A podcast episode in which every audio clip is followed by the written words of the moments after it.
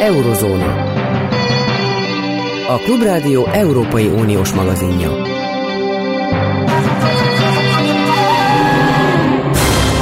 Jó napot kívánok, Zentai Péter vagyok. A stúdióban eh, a műsor vendége, egyetlen vendége Nagy Gábor, ismerik a nevét, ismerik a hangját, a tévében is szokott eh, okos gondolatokat megosztani. A lényeg az az, hogy a HVG vezető munkatársa Amerikával és az egész világgal foglalkozik gazdasági, politikai szempontból egyaránt.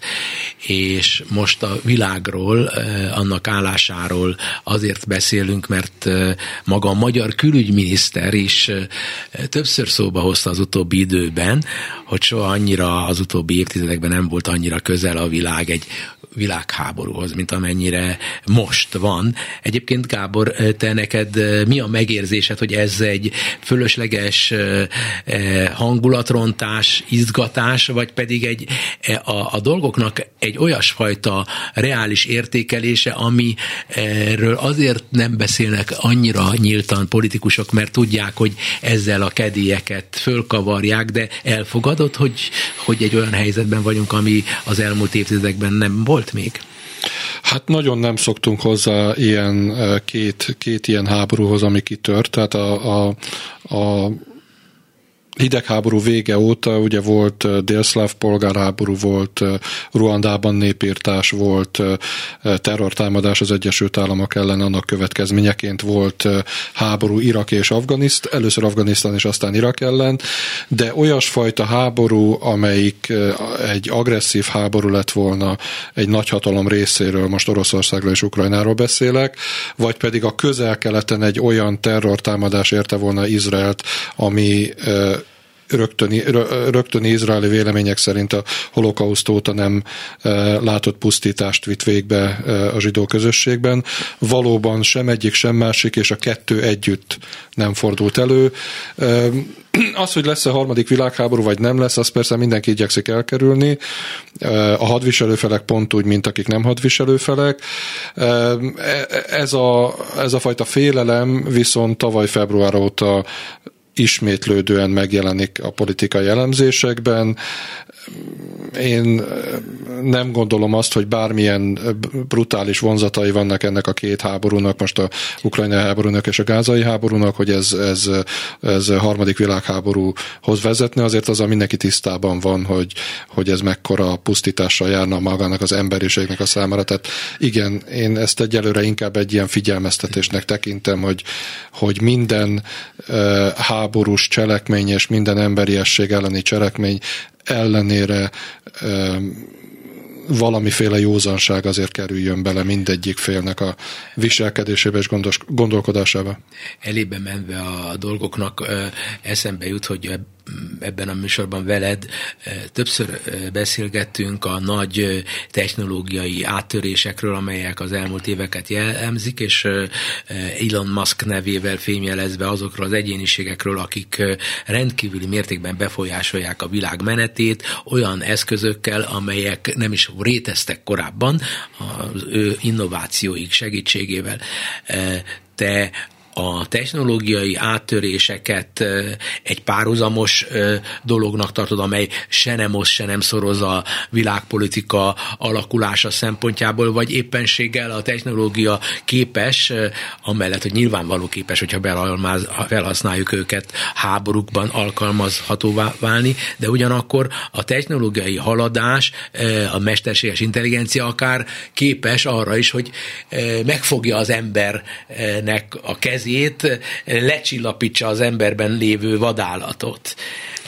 Hát anélkül, hogy elmennénk a Terminátorig, a mesterséges intelligenciát tekintve, az, az a fajta technológiai haladás, vagy csúcs technológiai fejlődés, amiről beszéltél, és akár Elon Muskhoz, akár másokhoz köthető, ez megfigyelhető a háborúban. Most gyorsan két példa jut eszembe.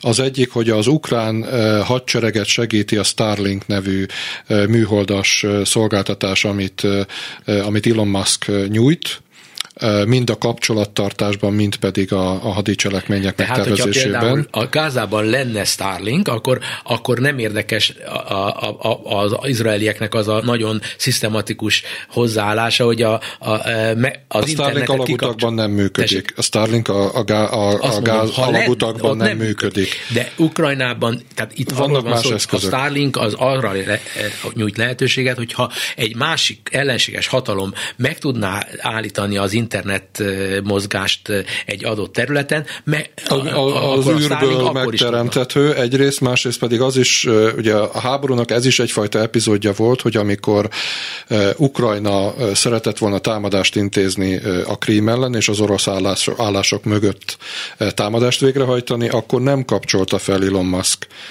ott a Starlinket, tehát az egy vak terület volt, azért, hogy ne eszkalálódjon a, a konfliktus. Most a, a Elon Musk és a Starlink fölvet egy olyan témát, és föl is vetett egy olyan problémát az Egyesült Államok kongresszusában, hogy megengedhető-e az, hogy a csúcs technológiai fejlettsége révén egy, mint kiderült, akár harctéri fontossággal is bíró technológiát, amit a Starlink egy magánember ellenőrizzen, az a magánember, aki mutat kiszámíthatatlan jele, jeleket a személyiségével kapcsolatban, és egyáltalán nem egy állami szereplő. Ez az egyik példa. A másik példa az a napokban történt, amikor a kárpátaljai standaard eh, eh, eh, dandár tagjait kilőtték, az ez oroszok kilőtték. Az oroszok kilőtték. Ez úgy történt, hogy mindenféle óvatosságot mellőzve kitüntetéseket adott át a Dandár parancsnoksága, vizsgálat is, indított ellenük, vizsgálat is indult ellenük. Az oroszok beröptettek egy drónt, és megint egy új technológiáról beszélek, amit, má, amit még az iraki és afganisztáni háborúban sem használtak.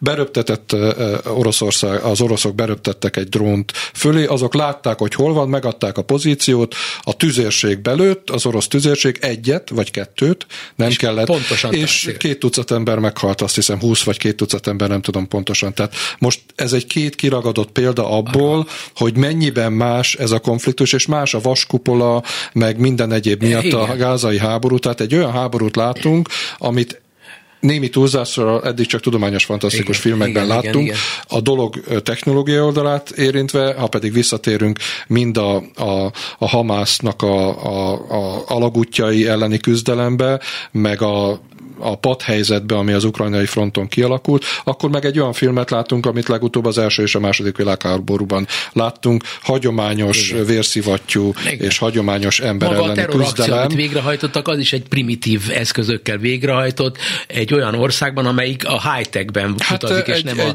a, abban, egy hogy... Pick-up, egy pick-up track, pick-up, tehát ezekkel az amerikai platós kis teherautókkal végrehajtott támadás volt, amivel áttörtek a kerítésen, és erre nem volt és senki felkészülve. dolgoztak meg ilyenekkel. Igen, igen, Tehát, igen. Tehát a, a háborúnak, ennek a két háborúnak van egy, ha úgy tetszik, hagyományos oldala, és van egy high-tech oldala. És igen. azt nem tudom, hogy a mesterséges intelligencia milyen szerepet fog majd játszani ebben. Ugye vannak, akik félnek attól, akik látták a Terminátort, meg olvastak ilyen disztopikus regényeket, hogy a mesterséges intelligencia elszabadul, mások pedig épp ellenkezőleg azt mondják, amit te mondtál, hogy pont a mesterséges intelligencia intelligencia fogja korlátozni az embert, ezt még senki nem tudja. Igen, de még nem is tartunk ott. Nem tehát tartunk a, ott, igen. A, a, a harmadik világháborúról való rémizgetés. Én nem félnék a, a harmadik világháborútól. Értem, csak mondom, hogy az, az, az itt és most... De persze a Szarajevó merénylet után sem féltek az első világháborútól, hozzáteszem. Igen, de ami elsősorban érdekes, és te ennek mindenképpen a szakértője vagy, az, hogy Oroszország, Kína, Irán. Tehát azok az országok, amelyek így vagy úgy érdekeltek a nyugati világnak a gyengítésében, Amerika gyengítésében, azok most mintha előnyösebb pozícióban lennének azáltal, hogy egyebek között a technológia szabályozatlansága, mesélted ezt a Elon Musk példát, hogy az ő kezében van egy olyan szisztémának a ö, használata, ami elképesztően fontos a nemzetközi életben. És Hozzáteszem, lát... bocsánat azért, hogy félbeszakítalak, Elon Musk az oroszoknak és az irániaknak sem kapcsolná be nem, a Nem, ezt én értem, én csupán azt akarom mondani, hogy a lehetőség az a, arról beszélek, hogy hogy, hogy e, ez, a, ez a lehetőség, ami most létezik, hogy, hogy, hogy szabályozatlanság van egy csomó területen, ami új terület, akár a bitcoint nézzük, akár a, a, a Starlinket nézzük, a legkülönbözőbb dolgokból tudunk szemezgetni, a világban majdan meghatározó jelentőségűvé tudnak lenni, de most e, zűrzavaros, és maguk az országok, a nyugati országok is látszólag zűrzavaros állapotban vannak, élükön az Egyesült Államokkal, az is zűrzavaros állapotban van, függetlenül attól, hogy ennek semmi köze nincs ezek, ezekhez a zűrzavarokhoz, legalábbis látványosan semmi köze nincs Oroszországnak, Kínának, meg Iránnak, de él, ki tudják használni a zűrzavart, amit ők is vélnek látni, ez mondjuk az Egyesült Államokban. Az Egyesült Államokat te most az elmúlt évtizedekhez képest egy zűrzavarosabb állapotban lévő helynek tartod? Tehát ahhoz képest, hogy mind a ketten voltunk a ezredfordulón, igaz, hogy 2001. szeptember 11-en nagyon sokat belejátszott a dologba, de a, ahhoz képest ma e, kiszámíthatatlanabb ország az Egyesült Államok? Hát a hosszú kérdésre próbálok uh, kicsit nem, messzebbről... Ennek nem csak kérdés része volt, ebben előadás része is volt, ne arra. Igen, kicsit messzebbről próbálok erre válaszolni. Uh, ugye, hogy egy orbitális közhelyet mondjak, uh, tudósok szerint a rend és a káosz azért általában változik a, az emberiség történelmében. Volt egyfajta olyan rend, mondjuk úgy, hogy a, a berlini fal leomlása és a, a keleti blokk szétesését követően 2001. szeptember 11-ig évig, amikor volt egyfajta nyugalom a világban. Mondom, amit előbb említettem, például a, a délszláv polgárháború, meg a, meg a ruandai népírtás, az nem nevezhető olyasfajta felfordulásnak, mint amiket ma élünk meg. Ott megváltozott abban az értelemben a világ, hogy új veszélyek léptek föl, és most pedig azt látjuk, amiről te is beszéltél, hogy az a fajta káosz lett úrá a, a, egyfajta káoszban élünk, vagy, vagy felfordulásban élünk, vagy zűrzavarban élünk a mai világban, amikor tényleg azt lehet látni, hogy az az egypólusú világ, amit megszoktunk a, a hidegháború vége után, hogy az Egyesült Államok egy megkérdőjelezhetetlen tekintélyű, hatalmú és súlyú világhatalom, az valószínűleg véget ért, vagy legalábbis véget érni látszik, és valóban azok az országok, akiket te említettél, Oroszország, Kína és Irán, vagy akár mondhatjuk Észak-Koreát is, az egyfajta nem formális, de mindenképpen egy ilyen informális, azonos érdekek alapján szerveződő, nyugatellenes, nem szövetség, a szövetségszót semmiképpen nem szeretném használni, de egy olyasfajta csoport, amelyik abban érdekelt, hogy a, az Egyesült Államok egyeduralmát és a nyugat befolyását megbontsa, megtörje. És akkor megint ott van a kettő között a globális délnek nevezett, régen harmadik világnak nevezett országcsoport, amelyik most nézi, hogy ebből a kettőnek a, a, a húzakodásából mi lesz. Nekem ez lehet látni, hogy hogy foglaltak állást mondjuk dél Afrikában, vagy, vagy Ázsia egyes részein az ukrajnai konfliktusról, vagy a közelkeleti konfliktusról, de most ezt a vonalat elejtem, mert az Egyesült Államokat kérdezted a hosszú előadásod vagy kérdésed e, e, e, végén.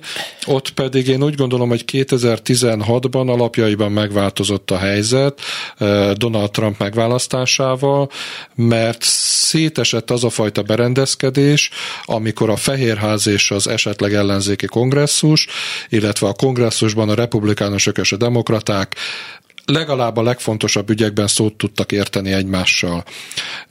Ez már repedezett Barack Obama elnöksége alatt, amikor 2011-ben szintén a, a fizetésképtelenség, technikai fizetésképtelenség szélére sodródott egy, közép, egy költségvetési vita miatt az Egyesült Államok, de akkor a hasadás az Egyesült Államok politikájában és társadalmán belül nem volt, mint ami, aminek, a, aminek következtében Donald Trump elnök lehetett 2016-ban, és amely amelyik hasadás most már szakadék. Tehát most, amikor beszélünk, akkor tulajdonképpen a szakadékos Amerikát. A szakadékos belpolitikáról beszélünk az Egyesült Államokban, ahol a, két, is, ahol a két oldal nem ért szót egymással, mind a két oldal csak is kizárólagosságban tud gondolkodni. Hogyha megnézed, hogy a most már be, ugye beindult az elnökválasztási kampány, hogyha megnézed, akkor a Trump tábor azt hangoztatja, hogyha nem én nyerek, akkor Biden tönkreteszi teljesen Amerikát, Igen. a Biden tábor pedig azt hangoztatja, hogyha nem én nyerek, akkor a demokráciának vége lesz az Egyesült Államokban, és, és Trump tönkreteszi az egész országot. Tehát most kialakult egy olyan helyzet, hogy csak is és kizárólag végletekben gondolkodik mind a két tábor, legyőzni akarja a másikat minden áron. Hm. És visszavezetve az elejére annak, ahol elkezdted és elkezdtük a, a, ezt a kérdést és a választ, ez az, amit megérzett ez az országcsoport, amelyik a nyugat és a nyugat élén az Egyesült Államok befolyását és kohézióját meg akarja törni, hogy ott itt van egy olyan Egyesült Államok, amelynek nem elég, hogy most két háborúhoz kell asszisztálnia Gázában és Ukrajnában, de még a saját belső gondja is szétfeszítik. Igen. Na most, ha a Szijjártó azt mondja, hogy ilyen súlyos a helyzet, még nem volt ennyire világháborús veszély, nem volt, mm. akkor ő talán e, ebbe is belegondol. Tehát nem csupán arról van szó, hogy Irakba, a közel-keletben és a, az ukrán ügyben gondolkodik, hanem abban, hogy például Németországban nem sokára akár hatalmi tényezővé válhat a radikális jobboldal, az AFD, vagy Franciaországban Löpen asszony lehet az elnök, és így tovább, és ebben a helyzetben Magyarország nyilvánvalóan keresi a helyét, és megpróbál úgymond semleges lenni, tehát gyakorlatilag egy, egy nagyon érthetővé tették tulajdonképpen, hogy, hogy mi a, a magyar öncél most, az, hogy egy olyan helyzetben, amikor Amerika zűrzavarban van, amikor Oroszország, Kína jelentősen tudja pozícióját erősíteni a világban, akkor, akkor igenis fennáll a veszélye annak, hogy, hogy akármilyen nagyon komoly katasztrófa következzen be. A, a, a, itt van ez a közelkeleti helyzet. Ez a közelkeleti helyzet a zsidók és az araboknak az ősi konfliktusának a feltonulása, ez, ez Amerikát is megosztja. Ilyen mértékben nem emlékszem, mikor osztódott meg egy, az Egyesült Államok közvéleménye, mint most. Ez te hogy veszed tudomásul?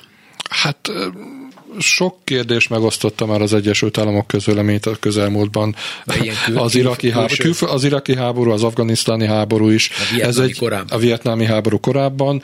Ez annyiban egy új jelenség, hogy a frontok valahogy megváltoztak. Tehát 2017-ben Charlottesville-ben, amikor volt a felső fe, fehér rendő, fehér felsőbbrendőség felvonulása és halálos áldozata is volt annak a tüntetésnek, amit Trump csak úgy e-mail ítélt el.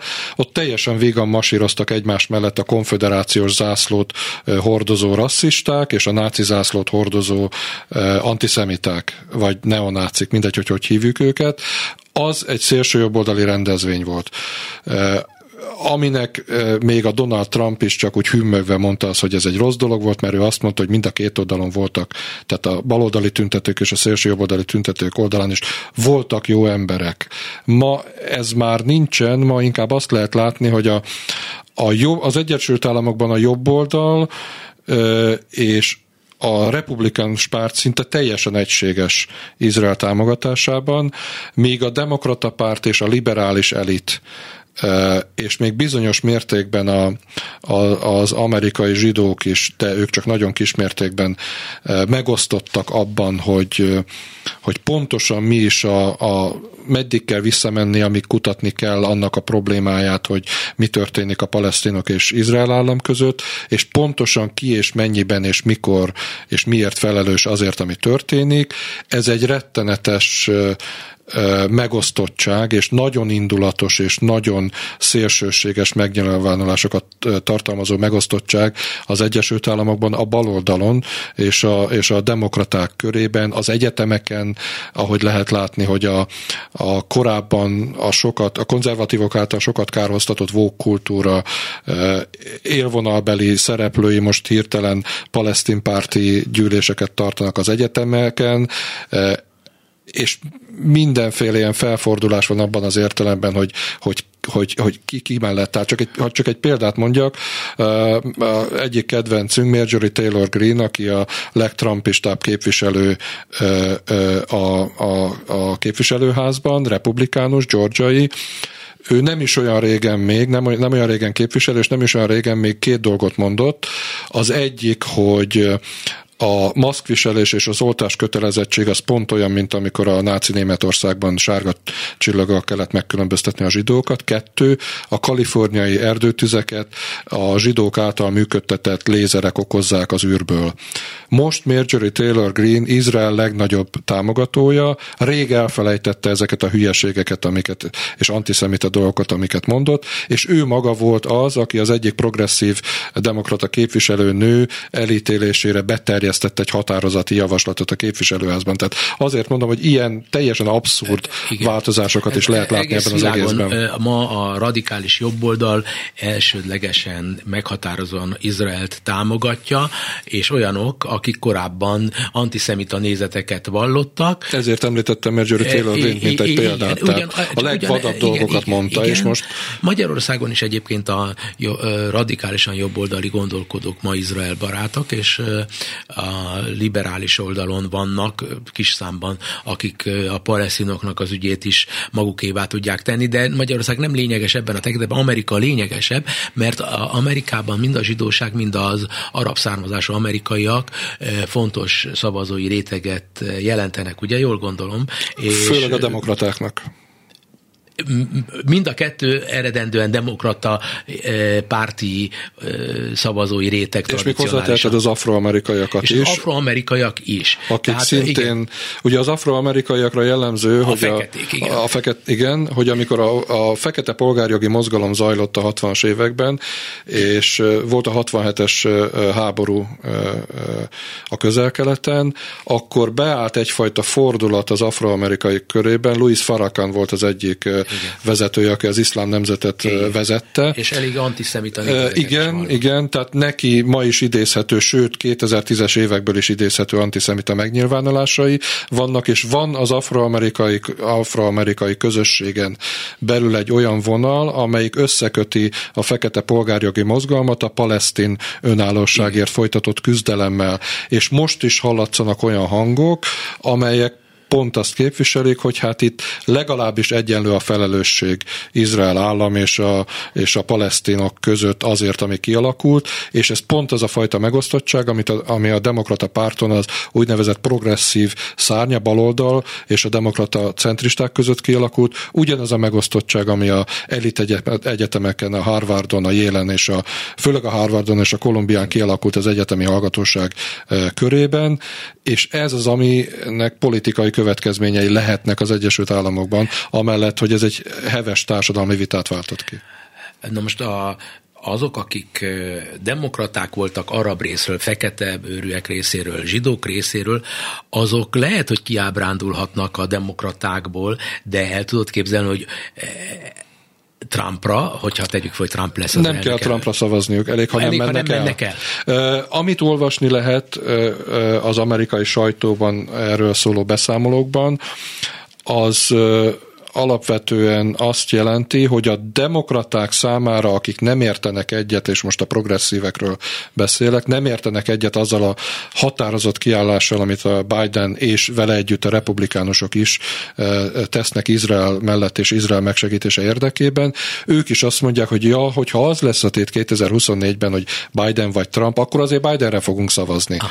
Ez a dolog egyik része. A másik része az, hogy azok az arab eh, származású, illetve muszlim származású származású amerikaiak, és azok az afroamerikaiak, akik, akik ezt sokkal vehemensebben fogják föl, és sokkal jobban kifogásolják azt, hogy Bidennek ilyen határozott állásfoglalása van, azok nem fognak Trumpra szavazni, elég, hogyha nem mennek el. Igen. Mert a hat, a hat most a, volt a New York times egy felmérés a hat úgynevezett csatatér államról, ahol ötben megbízhatóan vezet jelenleg Donald Trump, de hát 2011-ben meg Obama átvesztésre ebben a hat állam, ebben a, ezekben az államokban aztán mégis ő nyert, tehát még messze vagyunk ettől, de a hat államból legalább kettőben, háromban van egy olyan szemmel látható afroamerikai, illetve arab származású közösség, amelyik, hogyha nem megy el, átbillentheti akár ezek azt az államot. Ezek munkásosztályhoz tartanak. Alapvetően igen, alapvetően az a fajta, az a fajta réteg, Autogyári amely... jövezetek, nem? Autogyári jövezetek Michiganben, igen, tehát az, ott a középnyugati államokban, és ez kifejezetten az a szavazói réteg, amelyiknek az aktivitása nagyot lendített azon, hogy 2020-ban pont ezekben a régiókban nagyon kis különbséggel meg tudta nyerni az elnökválasztást Biden. De mondom még egyszer, nagyon közel vagyunk a gázai háborúhoz, és nagyon messze az elnökválasztástól. Igen. A republikánusok oldalán mennyire megosztó személyiség ma Donald Trump a jelek szerint akármilyen bűncselekményt követett is el, és ezt bebizonyítják, semmilyen mértékben nem veszít a népszerűségéből az én ismereteim szerint az adott ugye, kö, ugye most, most a múlt héten látványos volt, amikor tanúskodnia, illetve az eltelt hétben, mert ez most történt, tanúskodnia kellett a, a polgári perben, ahol gyakorlatilag üzleti csalással vádolják őt, de négy büntető perben összesen 91 vádpontot emeltek Donald Trump ellen. Még az is lehet, hogy elítélik, semmit nem változtat azon, hogy a republikánusok között jelenleg hatalmas fölényel vezet a csipet csapat előtt, amit a többi republikánus elnök aspiráns, elnökjelölt aspiráns jelent.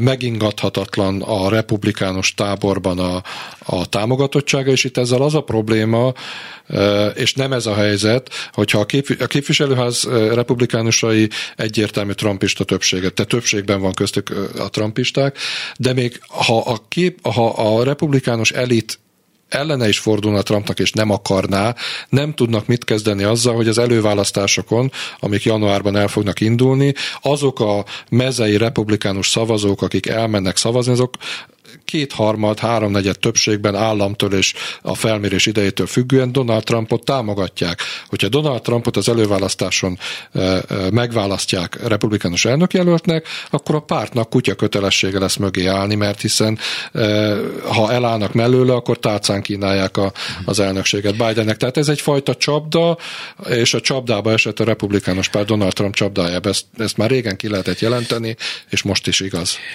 De Amerika azáltal is csapdában van egészében véve, hogy egy szemmel láthatólag nem jó fizikai állapotban lévő demokrata párti elnök jelöltnek van a legnagyobb esélye, aki maga az amerikai elnök. Látsz valamilyen lehetőséget arra, hogy végül is a Biden nem lesz elnök jelölt? Ugye, a, a, amit az előbb említettem, a New York Times és a Siena College főiskola együttes felmérésben az is benne volt, hogy a, ha jól emlékszem a számokra, akkor az amerikaiak 71%-a tartja túl öregnek Joe Biden-t, aki 81 éves lesz mindjárt a napokban, és még a saját pártján belül is 57 vagy 54 százalék tartja túl öregnek, hogy még négy évet eltöltsön. Ezzel szemben a nála mindössze négy évvel fiatalabb Donald Trumpot sokkal kevesebben tartják, 50 százalék alatt tartják túlidősnek az amerikaiak körében, és értelemszerűen a republikánusok körében körében még kevesebben tartják túl idősnek. Ez a faktor az, ami nagyon sok mindent befolyásol, a másik a gazdaság. A gazdaságra a Biden és a Fehér az azt mondja, hogy nagyon jól megy, a munkanélküliség valóban mélyen van, az inflációt sikerült megfogni, de az amerikai átlagszavazóban mégis benne van az az élmény, hogy hát itt borzasztóan nagy volt az infláció, hozzáteszem a harmada a magyarnak, borzasztó nagy volt az infláció, borzasztóan megdrágultak az élelmiszerek, és hát ezt ki a felelős érte, ki volt az elnök? Joe Biden. Tehát lepontozzák jelenleg Joe Biden-t a kora és a gazdasági, állap, gazdasági gazdaság állapota miatt, viszont a dolognak van egy olyan önmozgása, hogy mivel, Donald, mivel Joe Biden bejelentette, hogy ő újrázni akar, a demokrata párt nem állít ellene jelöltet, hogyha amit te mondasz, hogy lehet-e más jelölt, az csak is úgy lehet, hogyha, hogyha Joe Biden bejelenti, hogy bocsánat, mégsem indulok, mert öreg vagyok, fáradt vagyok, a pártnak és Amerikának is jobb lenne egy másik jelölt, de ő küldetésének érzi, hogy megállítsa Trumpot. Igen, de ez is egy csapda helyzet. Ez a demokrata párt csapda helyzete. Igen, ez a demokrata. De minden, a republikánusoknak van egy csapda helyzet, a demokratáknak, vagy egész Amerikának van és egy csapda hogyha még, hogyha még egyszer lehet beszélni a közvéleménykutatásokról, akkor a hogy... közvéleménykutatásokban egy erős többség van arra nézve, hogy ne ezt a két embert válasszuk meg, ne közülük lehessen választani, jöjjön valaki új, aki egy generációval fiatalabb, világos alternatívát kínálna gazdaságban, külpolitikában, politikában, mindenben, de nincs. De nincs. Mert ugye bár... És lenne ilyen politikus, de mivel mind a két pártnak megvan a maga önmozgása, ezért jelenleg azt látjuk, hogy ez a két ember fog elnökjelölt lenni, akit igazándiból az amerikaiak nem akarnak. De akkor a, a, a Kínának, Oroszországnak, a magyar kormánynak, vagy Iránnak más és más motivumok alapján igaza van. Amerika árnyéka lett önmagának, mert Amerikának az az előnye, hogy borzasztóan gyorsan tud reagálni a, a, a, a kihívásokra, és rugalmas. Ez, amiről beszélsz, az azt mutatja, hogy már nem rugalmas az az ország, mert egy ilyen helyzetet, amit most felfestettél nagyogóan, az mutatja, hogy már nem tud... E, hát ha, ha szabad a közhelyeket tovább igen. fokozni, akkor a, a, a két nagy párt és Amerika is csapdában van, igen, de a két párt miatt. Most elmondok egy olyan e, szenáriót, ami, ami ha nem is kiutat jelentene, de kiszelőztetné a, a, a termet és kinyílnának az ablakok, hogyha mondjuk Gavin Newsom lenne a kaliforniai kormányzó a, a demokrata elnök jelölt, és akár Ron DeSantis, akár Nikki Haley lenne a republikánus elnökjelölt, akkor lenne miről beszélni. Lenne miről beszélni a külpolitik, a markáns külpolitikai különbségekről, lehetne beszélni a markáns gazdaságpolitikai különbségekről, ami megnyilvánul a két oldalon, lehetne beszélni arról, hogy mi legyen a társadalombiztosítással, nyugdíjbiztosítással, mi legyen Amerika jövőjével, de nem lehet, mert a dolgok tehetetlensége folytán két, egyik majdnem 80, másik túl 80 éves ember párviadalát fogjuk a jelenlegi állás szerint mi távolból, az amerikaiak közelből látni 2024-ben. Tehát ez az a csapdahelyzet, amiben Amerika szerintem van, hogy a két világos alternatíva közül most arról kell választani, hogy melyik idős embert bízzuk meg még négy évre, mert akármelyikük lesz az elnök, mind a kettő a második mandátumát fogja tölteni, és nem indulhat harmadszor, bár Trump biztos szeretne. De közben a világ maga, a többi ország, a vezető ország is csapdában van. Iránban egy, továbbra is egy vallási diktatúra van. Kínában, és erről fogunk most beszélni, e, Xi Jinping egyre centralizáltabb hatalmat épített ki, és Oroszországban pedig egy, egy tulajdonképpen történelmileg reakciósnak nevezhető Putyinnak esze ágában sincs átadni a hatalmát. Tehát viszont Amerika az, ezek között még mindig a legnyitottabb társadalom mm, a bóvó. Igen, te ezt senki nem vitatja. Igen, de relatíve, de már árnyékkal kezd önmagának lenni, ennél fogva most beszéljünk Kínáról. Te most a nagy értelemben vett Kína területén voltál, konkrétan Tajvanon, amelyet a kínai népköztársaság a népi Kínának a részek nek tart, ugye bár annak tartja. A Kína részének tekint, tartja, Kína, Kína részének tartja. Ott ugye mindig fölhívják a tajvaniak okkal a figyelmet arra, hogy ne beszéljünk újraegyesítésről, mert a kínai népköztársaságnak soha nem volt része Tajvan, a kínai köztársaságnak viszont igen. És ők a kínai köztársaság. Tehát ők azok, akik még kitartanak. Tehát, a, a, tehát nem, a, nem volt pucs náluk, ezzel szemben a kommunisták megpucsolták 1949-ben, amikor a polgárháború a Kuomintang a nacionalisták verességével végződött, és ők elmenekültek Tajvan szigetére, kikiáltották a kínai népköztársaságot, de a kínai népköztársaságnak soha nem volt fennhatósága Tajvan fölött, ez ezért kell Xi Jinpingnek és a kínai vezetésnek és a kínai kommunista pártnak a történelmi múltra hivatkozni. Jó, én Tajvan oldalán vagyok ezek után. Most meggyőzté. Most tudom, hogy nem volt annak ez mit akar. Hát, ne, ne, hagyja békén. De nem akarja békén hagyni, nem azt akarja, nem. hogy oda kerüljön hozzá, és sokak szerint, kérdezem tőle, te szerinted is, reális az a szenárió, hogy e, csak várja az alkalmat, hogy akár katonai eszközökkel is magáévá tegye ezt a Tajvant? Um, ahogy Kína esetében, ahogy sok más ügyben, úgy Tajvan ügyében is korszakváltás volt 2012, amikor Xi Jinping hatalomra került Kínában, majd a eltelt most már 11 évben kiépítette az egy személy hatalmát. Addig a hatal, amennyire egy kommunista párton belül konszenzusos lehet a, konszenzusos lehetett a hatalomgyakorlás, annyira az volt. Tehát a, a, a Hu Jintao idején, az előző pártfőtitkár államfő idején, idején. Ott megvitatták a politikai bizottság állandó bizottságán belül az a hatalom csúcsa Kínában az ügyeket, és közösen döntöttek. Ma egy személy, egy személyben dönt, egy akarat van, és még az állandó bizottság másik hat tagja is csak bólogató János ebben az esetben. És ott a gazdasági szálakat fűzték szorosra Tajvannal, azzal, hogy ugye a kínai gondolkodás soha nem évtizedekben, soha nem években gondolkodik, hanem inkább évtizedekben, ne adj Isten évszázadban. Tehát ott az a fajta gondolkodás volt, hogy összenő, hogy a e magyar politológiából ismert szóval összenő, ami összetartozik, majd idővel. Aztán két dolog változott. 2012-ben Xi Jinping lett a, a pártfőtitkár államfő, akiről egyre inkább kiderült, hogy nem csak egy személyi hatalmat akar, hanem ő akar Kína újraegyesítésének a, a meg, most direkt használom az újraegyesítést. A, a, a, tehát a kínai, tehát a, a, a, a kínai újraegyesítés végrehajtójaként akar bekerülni a kínai történelemben.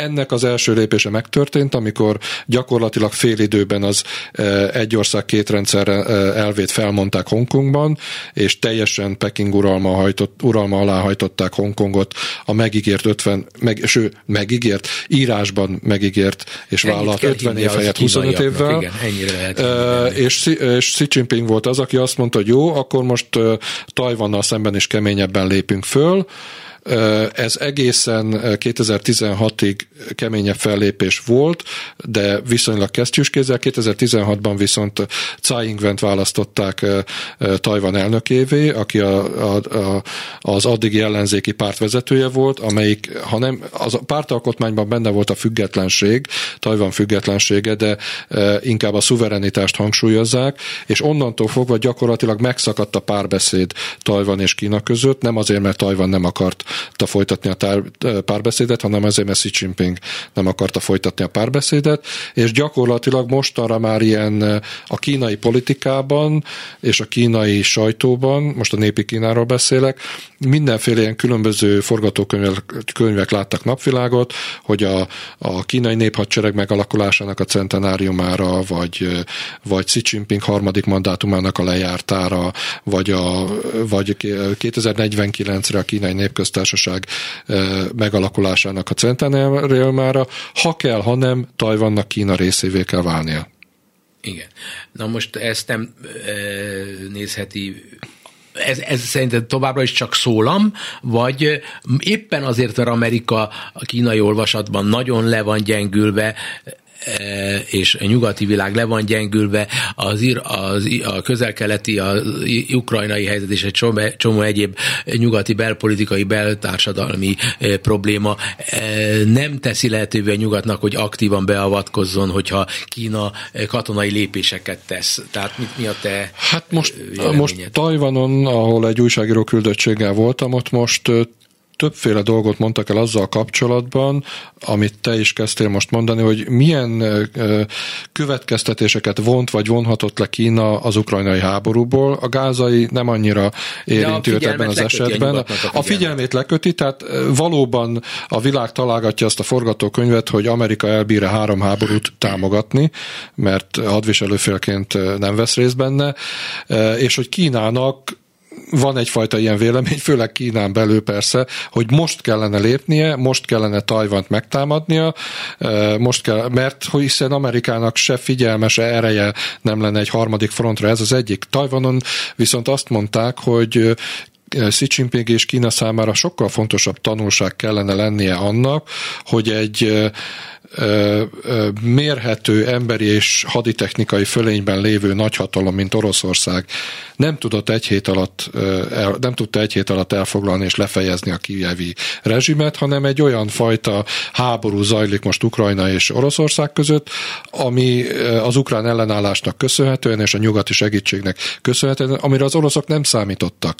Tehát Tajvanon az a remény, vagy az az álláspont, hogy remélhetőleg a kínaiak és Xi Jinping megtanulta azt, hogy lehet neki a világ legnagyobb hadiflottája, mert jövőre úgy néz ki, hogy a világ legnagyobb hadiflottája számszerűleg, de nem csapásmérő erőben a kínai lesz. Lehet neki nagyon sok rakétája a tajvani szoros túloldalán, és lehet neki nagyon sok repülőgépe, az ugyanúgy nem garantálja számára a könnyű sikert, amit ugye a stratégák el elképzelnek Tajvannal szemben, ahogy Oroszországnak sem jött be az, hogy egy blitzkrieggel, eh, egy villámháborúval elfoglalja és lefejezi Ukrajnát. Egyrészt, másrészt pedig eh, Tajvan a, a, a, ami elhangzott, Tajvan azt a leckét vonta le, szintén Ukrajna példáját látva, és kisebb mértékben az, a gázai háborút, hogy Tajvannak meg kell teremteni ezt a nemzetközi támogatást, amit Ukrajna megkap. Tehát ugye Tajvannak egészen más a szerepe, hiszen nem ENSZ tag, nincsenek számára olyan biztonsági garanciák, mint amiket Ukrajnának de facto megadtak, de mindenképpen egyrészt kell egy nemzetközi beágyazottság és egy nemzetközi támogatottság, másrészt igenis kellenek olyan fegyverek, amit, ami miatt Kína kétszer is meggondolja. Tajvan erős katonailag? Röviden. Ö, igen, erős, ahhoz, hogy magát megvédje.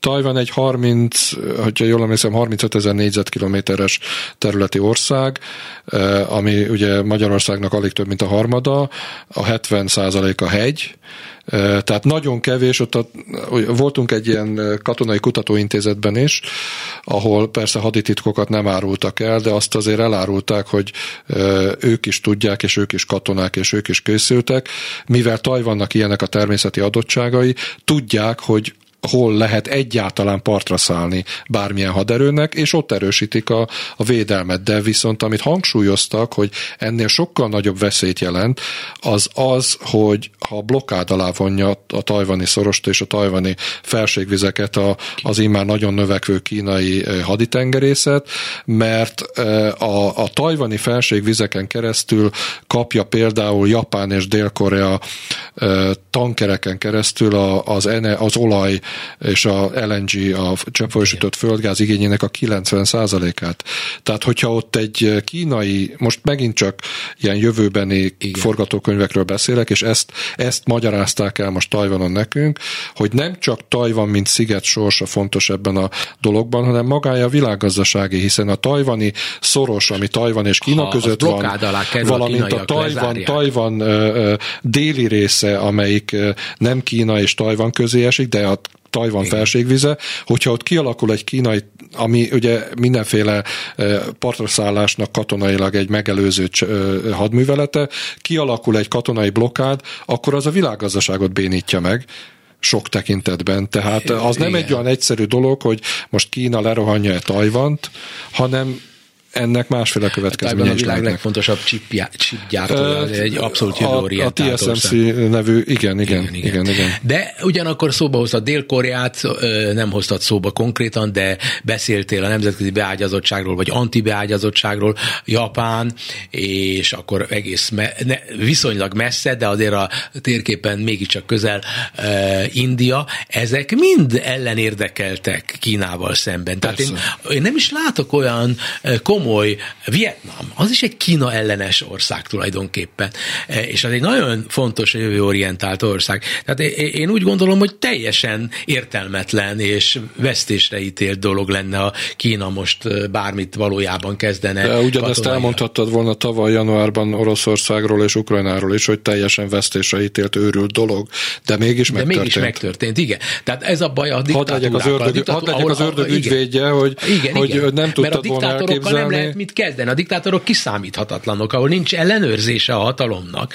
Kínában nincs igazából, most mondtad el, nincs. hogy a Xi, nincs. És ugye Iránban egyik mulla, másik mulla, mindegy, egyik 19, a másik egy hiány húz.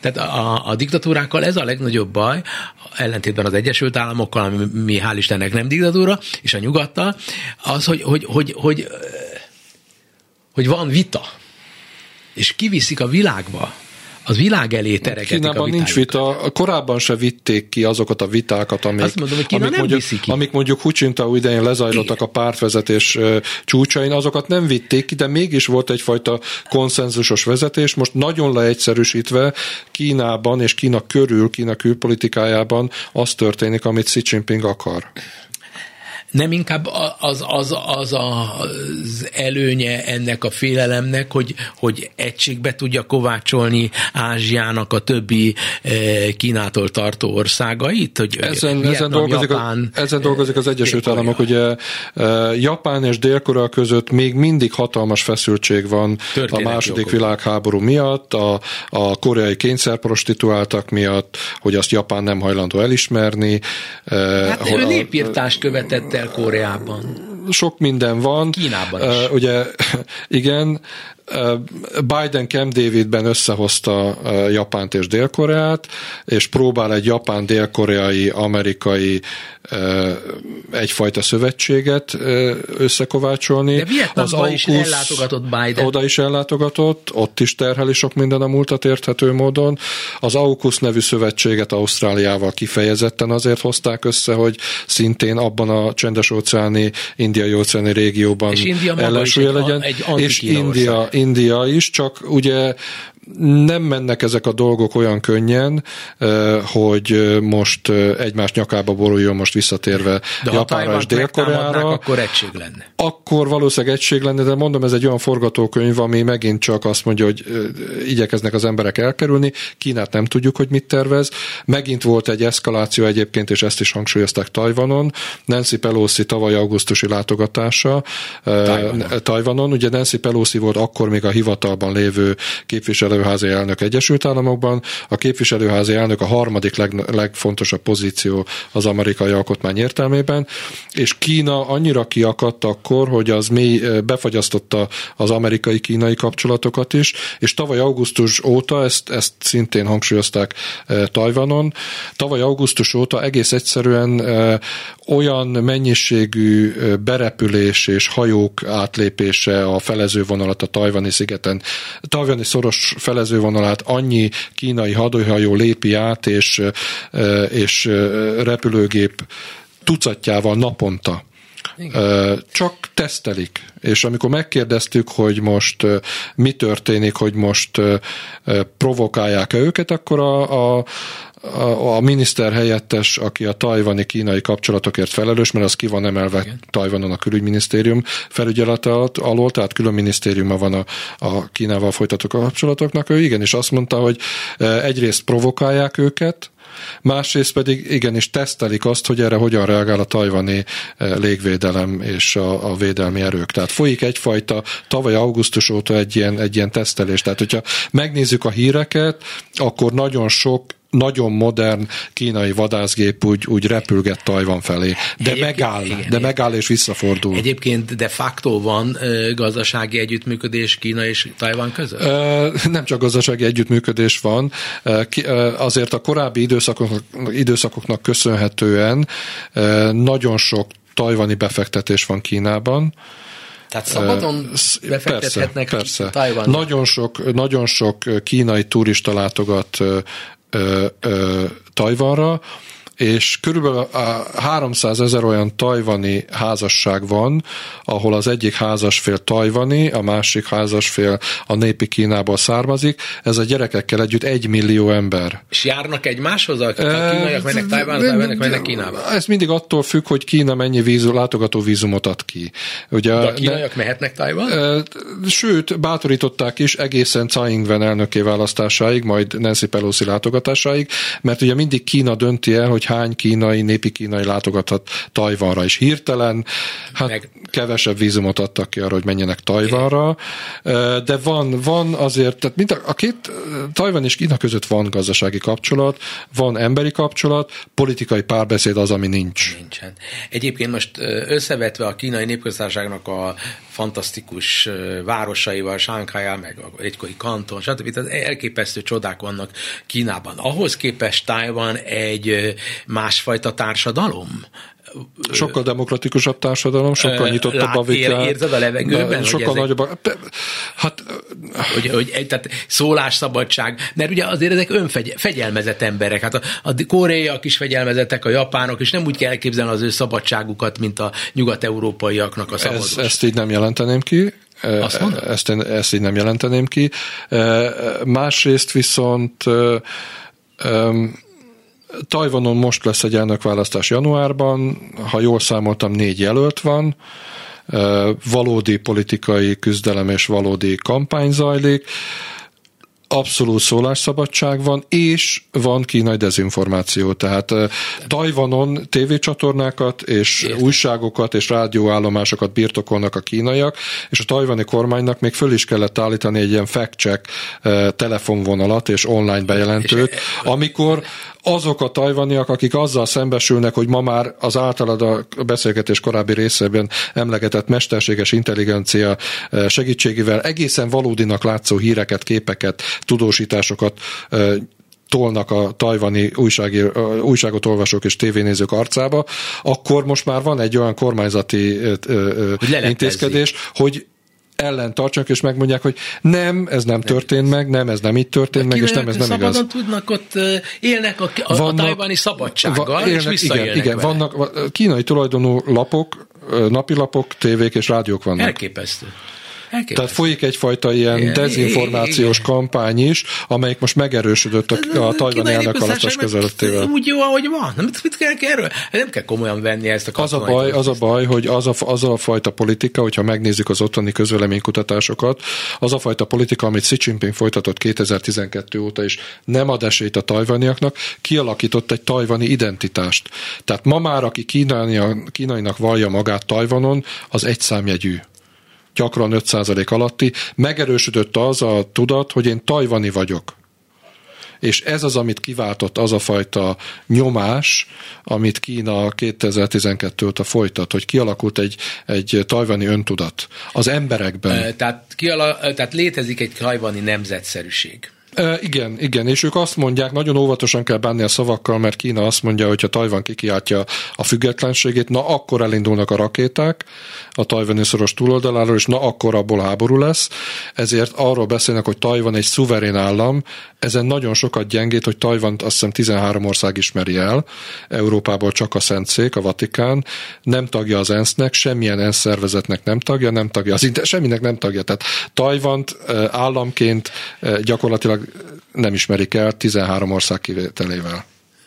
Igen, és, és ráadásul a kínaiak nyomást gyakorolnak az olyan Minden tekintetben. O, o, európai ország, most éppen Észtországra, aztán a másik két hát Most jön Észtország, mert Litvániában nyitott kereskedelmi képviseletek, ami nálunk uh, tajvani kereskedelmi képviselet a rendszerváltás Ez óta van. Az, az, az most megnyílt az, Litvániában, Kína igen, szankciókat léptetette életbe, most nyílik Észtországban, ott is lesznek szankciók, és ugye Kína folyamatosan, azt hiszem Tsai Ing-wen 2016-os elnöki választása óta kilenc országot állított át Kína hogy felmondja a diplomáciai képviseletet Tajvan. Ez olyan, mint az óriás kígyó, igen, tudod, igen. ahogy az áldozatát körbevette és szorítja. De, de, de akarom érzékeltetni a hallgatókkal azt, amit én meggyőződéssel vallok, hogy amit elmondasz, az mind bizonyítja, hogy milyen eh, hátráltató tényezők a világban a diktatúrák. A Kína megteszi, megteheti, hogy visszaéljen a másiknak a demokráciájával. De ellenkező hatást ki, váltott ki. Tehát kialakított egy tajvani öntudatot, ami sokkal is, erősebb, mint 2012-ben de volt, tajvani, de visszaél a dezinformációval. Ez így van. De erre az oroszok folyamatosan ezt csinálják. Mi, mindegyik Irán ezt csinálja. Az arab tömegeket mindig hülyeségben tartják a különböző diktat, diktátorok És Abban akkor a beszélgetésünk végén visszakanyarodunk az elejére, hogy a csúcs technológia fejlődése teszi mindezt lehetővé. lehetővé. Mert, mert amíg az, az ember csak tévét nézett és nyomtatott Igen. újságot hallgatott, és nem volt a most már X-nek hívott Twitter, a tele a dezinformációval, nem voltak internetes csatornák, nem volt ez, Addig a, nem így működtek a dolgok, igen édes-keserű ez az egész. Egyrészt lehet, hogy édes lesz a jövő, lehet, hogy nagyon keserű. Gábor, Nagy Gábor, a HVG vezető munkatársa, nagyon szépen köszönöm a gondolataidat, és a hallgatók nevében teszem ezt. Túri Lui nevében is elköszönök, Zentai Pétert hallották. A viszonthallásra. Köszönöm. Eurozóna.